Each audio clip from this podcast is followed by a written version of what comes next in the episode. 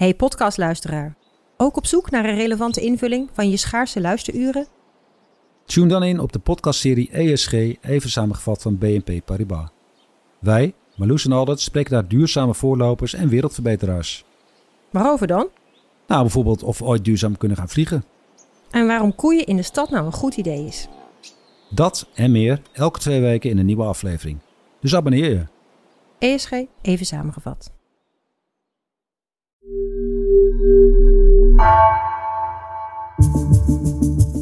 Vanaf de redactie van NRC het verhaal van vandaag. Mijn naam is Geertje Tunter.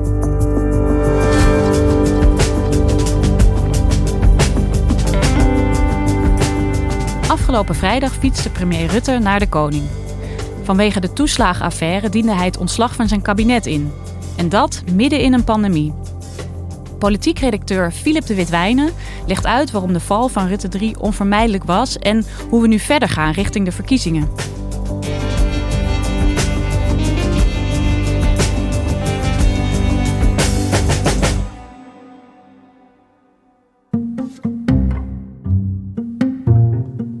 Philip, we beginnen deze week zonder kabinet. Het hing natuurlijk al wel in de lucht dat het kabinet zou gaan vallen, maar toch had jij dit verwacht? Vanaf wanneer dacht jij, het is echt onvermijdelijk?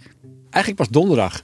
Want in Den Haag hoorden we de hele tijd dat crisisberaad van het kabinet op dinsdagavond en ook nog op vrijdagmiddag inhoudelijk zou zijn. Was niet heel geloofwaardig. Uh, maar we wisten ook dat de VVD Rutte voorop niet wilde aftreden. Hoe dat precies achter de schermen plaatsvond, hoorden we pas nadien. Maar na donderdag, nadat uh, Lodewijk Asscher zich had teruggetrokken als lijsttrekker, toen kon het kabinet eigenlijk geen andere stap meer zetten. We zijn eensgezind. Als het hele systeem heeft gefaald, kan alleen gezamenlijk verantwoordelijkheid worden gedragen. De directe aanleiding van deze kabinetscrisis is natuurlijk geweest het eh, onderzoeksrapport van de parlementaire ondervragingscommissie kinderopvangtoeslag. Dat kwam vlak voor kerst uit. Dat was snoeihard, eh, stevige conclusies over de rol van uh, kabinet, van uh, departementen, van de rechterlijke macht, van de Belastingdienst en ook van de Tweede Kamer zelf overigens. Maar de kabinet ontkwam niet aan de conclusie dat zij mede verantwoordelijk en misschien hoofdverantwoordelijk zijn voor het grote drama. En dat onderzoek ging over de toeslagenaffaire, zoals dat is gaan heten. En die speelt al jaren. De toeslagenaffaire is eigenlijk ontstaan, ook dat begrip in de zomer van 2017, toen de Nationale Ombudsman met een rapport kwam over één specifieke zaak in Eindhoven rond een eh, gastouderbureau. Daar was mogelijk gefraudeerd, niet door de ouders, maar door het bureau zelf. En eh, de ouders zijn vervolgens daar heel hard groepsgewijs aangepakt door de Belastingdienst. Dit ging alleen nog maar om één casus in Eindhoven. Er bleken vervolgens veel meer gevallen te zijn waarbij de Belastingdienst met fraudeteams andere kinderopvangbureaus en hun cliënten uh, hadden achterna gezeten, opgejaagd. Het punt was, ouders die in beroep gingen, die kregen steeds ongelijk, omdat de Belastingdienst dan maar weer naar de rechter stapte. En de rechter gaf de Belastingdienst steeds gelijk, omdat de Belastingdienst ook niets anders deed dan de, de wet hanteren. Ja, dus duizenden ouders, uh, gezinnen zijn gedupeerd daardoor. En toen kwam er dus dat snoeiharde rapport waar jij het net al ja. over had in december. Ja, en dat wees eigenlijk naar iedereen. De overheid had collectief gefaald op dit hele dossier. Het was zo groot en mensen spreken van het grootste financieel-bestuurlijke drama sinds decennia. En het was zo alom, eh, Haags Rijksoverheid, dat het kabinet weinig anders kon dan aftreden. Door het hele politiek, bestuurlijk, juridische systeem zijn fouten gemaakt die ertoe hebben geleid dat duizenden ouders groot onrecht is aangedaan. Maar de politieke verantwoordelijkheid ligt uiteindelijk bij het zittende kabinet en nergens anders. In december kwam dus dit rapport uit en sindsdien is het ook onrustig in Den Haag. Ja, eigenlijk meteen. Op de dag zelf kwamen er al geluiden van vooral oppositiepartijen. Er moet iets gebeuren, het kabinet moet terugtreden of er moeten bepaalde ministers aftreden. Die roep werd meteen gehoord. Toch zitten we nu al in januari. Hoe kan dat dan eigenlijk als dat rapport in december al zoveel stof deed opwaaien? Nou, het had ermee te maken dat het reces meteen begon. De laatste dag voor het reces kwam het rapport. De Tweede Kamer ging toen dicht. En daarbij heeft het kabinet bedacht, Rutte voorop, we gaan het heel procesmatig gaan we dit uh, rapport behandelen. We nemen het heel serieus. Eerst kijken we naar wat we voor die ouders kunnen doen. Dan gaan we inhoudelijk kijken hoe we ons leven kunnen beteren. En dan die politieke vraag doen we als laatste. Als we weer terug zijn van het reces en we gaan met de Kamer in debat. Ja, en sinds vorige week donderdag, hè, toen kwam er wel wat stroomversnelling in dit eh, debat. Uh, Lodewijk Asscher, die uh, nam als eerste zijn verantwoordelijkheid, zoals dat dan wordt genoemd. Hij stapte op en hij stopte als lijsttrekker van de PvdA. Wat is dan precies zijn rol binnen die affaire? Want hij had een grote rol. ja, hij had een grote rol, maar hij had niet de hoofdrol. Er is niet sprake van één hoofdrol. Daarvoor heeft het dossier te lang geduurd en is het over te veel ministeries verspreid geweest. Lodewijk Asscher was in het vorige kabinet minister van Sociale Zaken en was dus verantwoordelijk voor de kinderopvangtoeslag. Had de uitvoering uitbesteed aan de Belastingdienst, dus dat is een ander departement. Maar hij had zich eigenlijk te weinig bemoeid met die fraudebestrijding en hij had te weinig blijk gegeven dat hij, als er al signalen waren, in zijn richting oh, dat er misstanden waren in die fraudeaanpak, dan had hij er niet zoveel mee gedaan. Hij kreeg uh, bijvoorbeeld brieven van ouders of van uh, grootouders van gezinnen die in de problemen waren gekomen. En daar had hij op een hele, ja, beetje uh, weinig empathische manier technocratisch op gereageerd. In de archieven is een brief aangetroffen van een schoonmoeder van een echtpaar dat een fors bedrag aan ontvangen kinderopvangtoeslag moest terugbetalen. Ruim 30.000 euro. Dit was 23 december 2013. In uw antwoord van 24 januari 2014 op deze burgerbrief toont u begrip voor de hulpvraag en legt u uit dat u niet in individuele gevallen kan treden. Nou, ik kan me ook voorstellen dat u zo'n brief voor een individueel geval niet allemaal persoonlijk signeert of ziet. Dat, of... Ik denk dat ik hem wel gezien heb, heel eerlijk gezegd. Uh, en het is een antwoord waar ik nu toch me een beetje voor schaam uh, als je dat terugleest. Want er staat inderdaad, ik kan niet in individuele hulp, in een individueel geval interveneren. Dat is ook zo. Je kan niet als minister dan opeens zeggen: het zit anders met die, die schuld of die toeslagen. Maar ja, als ik die brief nu lees, ja, dat is. Ik vind dat heel pijnlijk. Ja. Met name naar, naar deze uh, grootmoeder toe, die dus bezorgd schrijft over hoe het met haar zoon en schoondochter gaat. Inmiddels heb ik natuurlijk gehoord hoe het hun vergaan is. En denk, ja, had ik naartoe maar met die brief, dat is typisch zo'n brief waarbij ik nu zeg, ja, daar had ik mee ministerie moeten roepen en moet zeggen: jongens, wat, wat is dit? Hij heeft later, vlak voor kerst, al zijn excuses aangeboden in een bericht aan, nou ja, aan de wereld via Facebook. Uh, vooral gericht richting die ouders, maar ook richting zijn eigen uh, achterban van de PvdA. Ja, je zou misschien kunnen denken toen met die excuses, hè, dan is het dan ook afgedaan. Toch is hij later nog opgestapt. Ja, er waren natuurlijk mensen die vonden dat als je hoe dan ook ook moest terugtreden als lijsttrekker van de PvdA. En dan is het bij de PvdA zo dat uh, deze kritiek ook vaak uit de eigen gelederen komt. De PvdA is een partij die in staat is om vooral de eigen problemen uit te vergroten en de eigen leider af te vallen. En dat heeft hem uiteindelijk opgebroken. Daarbij speelde er nog iets. Hij wist ook dat het kabinet moest bewegen, ofwel in het Kamerdebat deze week, ofwel bij de ministerraad afgelopen vrijdag. En hij dacht, denk ik, ik weet het niet zeker, maar dat lijkt mij, ik kan beter zelf als eerste terugtreden dan dat ik dat doe in reactie op het kabinet als dat gaat terugtreden, want dan is het zwakker. Dus hij heeft het initiatief genomen waarmee hij één groot probleem heeft gecreëerd voor de PvdA. Die heeft nu geen leider meer en geen lijsttrekker. En hij was wel het gezicht. En hij was de enige die een beetje herstel kon brengen in die, na die verkiezingsnederlaag van, uh, van drie jaar, vier jaar geleden. En het tweede wat hij creëerde was dat hij de druk bij het kabinet legde van als ik nu terugtreed, kunnen jullie niet achterblijven. Ja, want wat jij net ook al zei, hè, van Ascher, dat is misschien een speler en best een grote speler, maar zeker niet de enige. Je had het al over druk die bij het kabinet lag. Kan je dan ook vertellen uh, welke mensen nog meer die hete adem van die toeslagaffaire ja, Nou ja, dan moeten we ons ook beperken tot de mensen die nu nog in functie zijn. En dat zijn in het huidige kabinet, ja, laten we zeggen, gewoon logische volgorde. Uh, Erik Wiebes, die minister van Economische Zaken en Klimaat in dit kabinet was. En in het vorige kabinet was hij staatssecretaris van Financiën, dus verantwoordelijk voor de Belastingdienst en de toeslagen. Dan heb je Tamara van Ark, de huidige minister voor Medische Zorg. Die was tot voor kort staatssecretaris van Sociale Zaken. Ging over kinderopvangtoeslag. Dan hebben we minister Wopke Hoekstra van Financiën.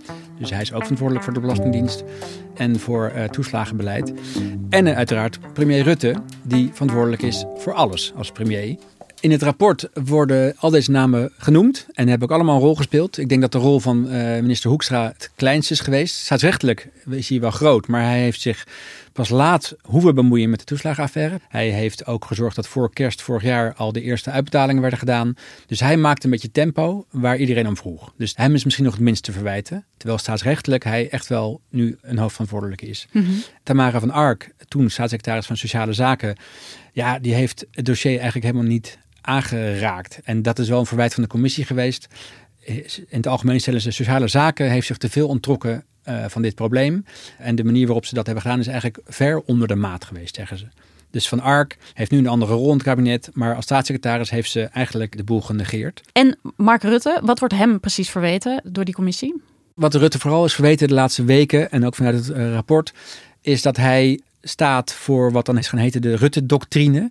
En dat is het verkeerd, onvolledig, gebrekkig, moeizaam informeren van de Tweede Kamer door de regering. Uh, maar ik wil uh, eigenlijk eerst beginnen met hoe dat gaat op uw eigen uh, departement. Want we hebben documenten opgevraagd, ook bij uw ministerie, Algemene Zaken. En we hebben daar gezocht naar aantekeningen van u en naar de verslagen van de overleggen met u. Maar de oost was eerlijk gezegd nogal beperkt. Uw ministerie meldde ons dat er verder alleen mondeling informatie is of wordt gedeeld. En mijn vraag is dan ook heel simpel. Kunt u bevestigen dat er op uw ministerie geen aantekeningen zijn gemaakt over de kinderopvangtoeslagenaffaire? We hebben alle systemen uh, om, om ons te boven gehouden en u heeft gekregen wat we hebben. En kunt u uitleggen waarom er zo weinig wordt vastgelegd? Het is een heel klein departement met per Haags ministerie één, anderhalf persoon die dat volgt. En ja, uh, we hebben niet de tijd om dat allemaal op papier te gaan zetten. Dus bijna alles gebeurt inderdaad uh, mondeling. Mark Rutte zelf heeft als premier op zijn kleine departement Algemene Zaken een beleidslijn dat er eigenlijk niet zoveel wordt opgeschreven. Geen paper trail nalaten van uh, lastige discussies. Het geeft maar gedonder achteraf ja, misschien. Alles kan openbaar worden, dat moeten we voorkomen. Dus laten we maar zo weinig mogelijk vastleggen. Nou, dat is eigenlijk bestuurskundig gezien niet heel prettig. Nee. Uh, de Kamer wil alles kunnen zien, zodat ze ook kunnen controleren. Uh, Rutte zegt, ja, maar ambtenaren moeten de ruimte hebben om in vrijheid te kunnen discussiëren met elkaar. Er kunnen ook verkeerde voorstellen bezitten, foute ideeën. En dat hoeft niet per se openbaar te worden. Oké. Okay. Is dat ook kwetsbaar op een of andere manier als het gaat over uh, geheugen? Uh, nou ja, wat we gemerkt hebben in de afgelopen twee weken, dat dat voortdurend wel een grote rol heeft gespeeld in de wijze waarop kennis bewaard en gedeeld wordt. Nee, dat is niet mijn ervaring dat dat een probleem is. Nee. En waarom is dat niet uw ervaring? Als mijn ervaring wel zou zijn, zou ik nu zeggen het is een probleem, maar het is mijn ervaring niet. Dus volgens mij is dat geen probleem. Dus Rutte wordt voornamelijk verweten dat hij eigenlijk de Kamer en andere belangrijke spelers ontzegd heeft dat ze konden weten wat daar speelde. Ja, dat is eigenlijk een, een hoofdverwijt. Rutte zegt niet dat die doctrine dat die echt bestaat, maar zijn manier van leiding geven op deze manier heeft invloed gehad op departementen, op ambtenaren en op, uh, op collega-bewindspersonen.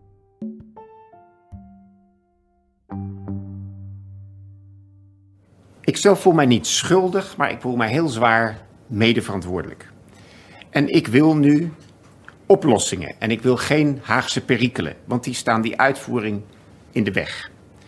En daarom heb ik besloten zelf per direct uit het kabinet te stappen. En dan hebben we natuurlijk nog één andere belangrijke uh, hoofdrolspeler over, Erik Wiebes. Ja, die heeft denk ik de zwaarste verantwoordelijkheid genomen, de zwaarste stap gezet door echt terug te treden. Hij is niet meer demissionair zoals de rest van het kabinet. Hij is gewoon gestopt per direct, laat zich tijdelijk vervangen door een andere minister op economische zaken. Hij heeft zich erg aangetrokken. Hij was ook bijna een beetje emotioneel hè, toen hij dat vrijdag uh, aankondigde. Dat hij als staatssecretaris van Financiën heeft gefaald. En ik zelf worstel hier al geruime tijd mee. Meer dan ik in het begin uh, doorhad en meer dan ik in het begin heb toegegeven. En kan het eigenlijk moeilijk van mij afzetten. Het is in mij gaan zitten. Hij heeft ook erkend in die verhoren dat hij op bepaalde vragen van de Tweede Kamer een verkeerd antwoord heeft gegeven. Om hoeveel mensen ging het bij het Nationale Ombudsmanrapport? Nou, bij die Eindhovens uh, gastouderbureau ging het volgens mij om het onterecht stopzetten van een dikke 200 ouders. En dat rapport had u net gelezen? Zeker. Daarvan had u zelfs nog een extra notitie gekregen om excuses aan die ouders te maken. Zeker.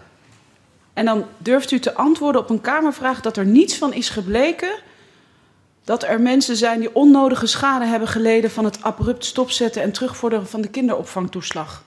Ja, dit, is, dit, heeft, uh, dit heb ik echt te weinig bekeken en dit is gewoon een idioot antwoord.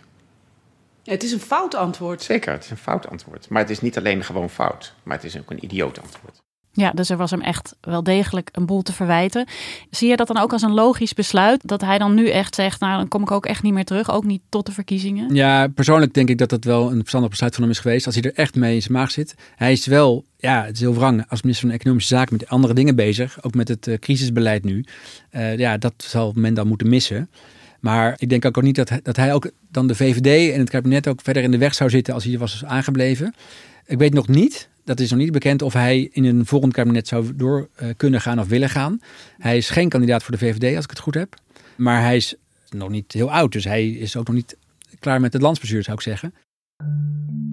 Ja, Filip, het kabinet is dus gevallen. Op zich gebeurt dat natuurlijk wel vaker, hè, dat een kabinet valt. Maar nu zitten we midden in een crisis, de coronacrisis. Het wordt wel de ergste crisis sinds de Tweede Wereldoorlog uh, genoemd. Mm -hmm. ja, ja, Dat, is, dat is een belangrijke overweging geweest voor het kabinet en voor Rutte om niet af te treden. Hij vond, we moeten de crisis bestrijden, we moeten coronabeleid voeren. Dat kan niet als je demissionair bent, niet volwaardig in functie. Hij heeft er toch voor gekozen, nadat hij ook afgelopen week doorkreeg dat oppositiepartijen als GroenLinks en PvdA hem zouden blijven steunen in het coronabeleid, ook als het kabinet demissionair zou zijn. En dat is ook zo. Het kabinet kan ook in de demissionaire status best doorregeren en besluiten nemen over de coronacrisis. Die ruimte wordt geboden door de Tweede Kamer. En als de Tweede Kamer zegt, kabinet, bestuur, regeer, dan kan dat. Er kunnen er zelfs uh, wetswijzigingen worden voorgesteld, zolang de Kamer maar kan blijven debatteren erover, want de Tweede Kamer is niet demissionair dan kunnen er besluiten worden genomen uh, op een democratische manier. En het enige is misschien dat ja, zeg maar, maatschappelijke partijen, gesprekspartners uit de zorgwereld, uit het bedrijfsleven, die willen wellicht een volwaardige gesprekspartner als ze uh, lobbyen voor hun eisen, voor hun vragen, voor hun problemen. En als een minister niet het volle mandaat heeft, zullen ze dat misschien lastig vinden. Ja, en de verkiezingen komen eraan. Ja. Uh, dat duurt ook niet zo heel lang meer. In maart. Welke gevolgen gaat dit hebben voor, nou, vooral voor Mark Rutte, denk ik, dat uh, nou, zijn kabinet nu is opgestapt? Ja. Nou, kijk, het toeslagendossier is eigenlijk misschien niet meer een groot verkiezingsthema. Want het kabinet kan altijd zeggen: ja, maar we zijn toch teruggetreden. We hebben onze verantwoordelijkheid genomen. En ja, we zijn het eens met de kritiek. Heb je dus de angel er eigenlijk Daar uitgehaald? Heb je dat gepareerd. Mm -hmm. Maar de kwestie voor Wopke Hoekstra van het CDA en voor Rutte van de VVD speelt nog wel. Ze zijn wel lijsttrekker. En ze willen doorgaan in de volgende ronde. In welke rol dan ook. Ze zullen meegaan formeren. Rutte zal premier willen blijven. In een volgend kabinet Rutte 4. Hoekstra wil ook premier worden als hij de grootste mocht worden. Dus de oppositie kan zeggen in een verkiezingsdebat... Uh, ja, je bent leuk afgetreden, maar je gaat gewoon door. Dus eigenlijk heeft het helemaal geen persoonlijke consequenties voor u, meneer Hoekstra... Mm -hmm. en uh, voor u, meneer Rutte. Dat blijft ze nog wel even achtervolgen. Als we nog even kijken naar die ouders, hè? want het is ja. natuurlijk allemaal begonnen met die, met die ouders die ja, heel erg naar behandeld zijn door de overheid. Hebben zij er eigenlijk nog iets aan dat dit kabinet nu gevallen is? Niet direct. Kijk, de eerste stap die het kabinet zette al vlak voor kerst was: we gaan nu iets ruimer en rianter en sneller een eerste compensatie betalen van 30.000 euro voor alle gevallen uh, ongeacht de werkelijke schade. Dus dat is best een forse stap. En dat zou gaan om, nou nog steeds is dat een schatting, uh, 26.000 gedupeerde gezinnen, waarvan er nog maar 12.000 in beeld zijn bij de Belastingdienst. Dus er moeten nog heel veel worden gevonden of moeten zich aanmelden. Nou, dat geld overmaken is best lastig, blijkt. Waar uh, in het crisisbeleid voor de economie er miljarden tegelijk richting bedrijven gaat, is het kennelijk heel lastig om 30.000 euro naar 20.000 gezinnen over te maken, want er is nog, dat is nog niet gebeurd. Dat is heel, een heel lastig juridisch stroperig proces. Dat is met het opstappen van het kabinet niet versneld. Nee, dus politiek is eigenlijk een punt achtergezet achter deze affaire. En voor deze mensen kan het misschien nog wel maanden, jaren doorgaan. Ja. Nou, voor de ouders is het, is zeker nog niet afgelopen nu. Maar er speelt nog iets. Het kabinet heeft natuurlijk ook inhoudelijk moeten reageren op hoe is dit probleem ontstaan en hoe kunnen we dat voorkomen in de toekomst? Dan moet de bestuurscultuur veranderen. Ambtenaren moeten minder die neiging hebben om problemen toe te dekken en te verzwijgen. Er moet een open cultuur ontstaan, transparant richting Tweede Kamer, maar ook onderling. Eh, departementen moeten beter samenwerken. Problemen van burgers bij bepaalde wetgeving moet eerder worden gesignaleerd en daar moet eerlijk mee worden omgegaan. Dat is allemaal heel mooi en makkelijk gezegd. En ik denk een heel goed voornemen. Maar dat vergt een omslag in het denken en handelen van tienduizenden ambtenaren hier in Den Haag en hun politieke bazen. Dus dat is ook niet zomaar gebeurd. Dus als ik jou zo hoor, Philip, dan moet er nog een heleboel gebeuren op dit moment. En de garantie dat het niet nog een keer zoiets kan gebeuren, dat er niet nog een keer zoiets fout gaat, die is er eigenlijk nog niet direct. Nee, zeker niet. En je hoort nu ook al dat er bij huurtoeslag en zorgtoeslag ook al toestanden aan de hand zijn, waar we nog niks van weten. Net als bij het doen van goede voornemens met nieuwjaar. Je kunt beterschap beloven, je kunt allemaal mooie plannen maken en stevige maatregelen, maar het is niet gezegd dat je dat 1, 2, 3 doet en uh, 1, 2, 3 volhoudt. Dankjewel, Filip. Graag gedaan. Je luisterde naar Vandaag, een podcast van NRC. Eén verhaal, elke dag. Wil je meer weten over het afgetreden kabinet? Luister dan ook naar onze politieke podcast Haagse Zaken, waarin Mark Kranenburg en Pim van den Doel uitleggen wat een demissionair kabinet nou precies kan en mag. Deze aflevering werd gemaakt door Anna Korterink en Jeroen Jaspers. Chef van de audioredactie is Anne Moraal. Dit was vandaag, morgen weer.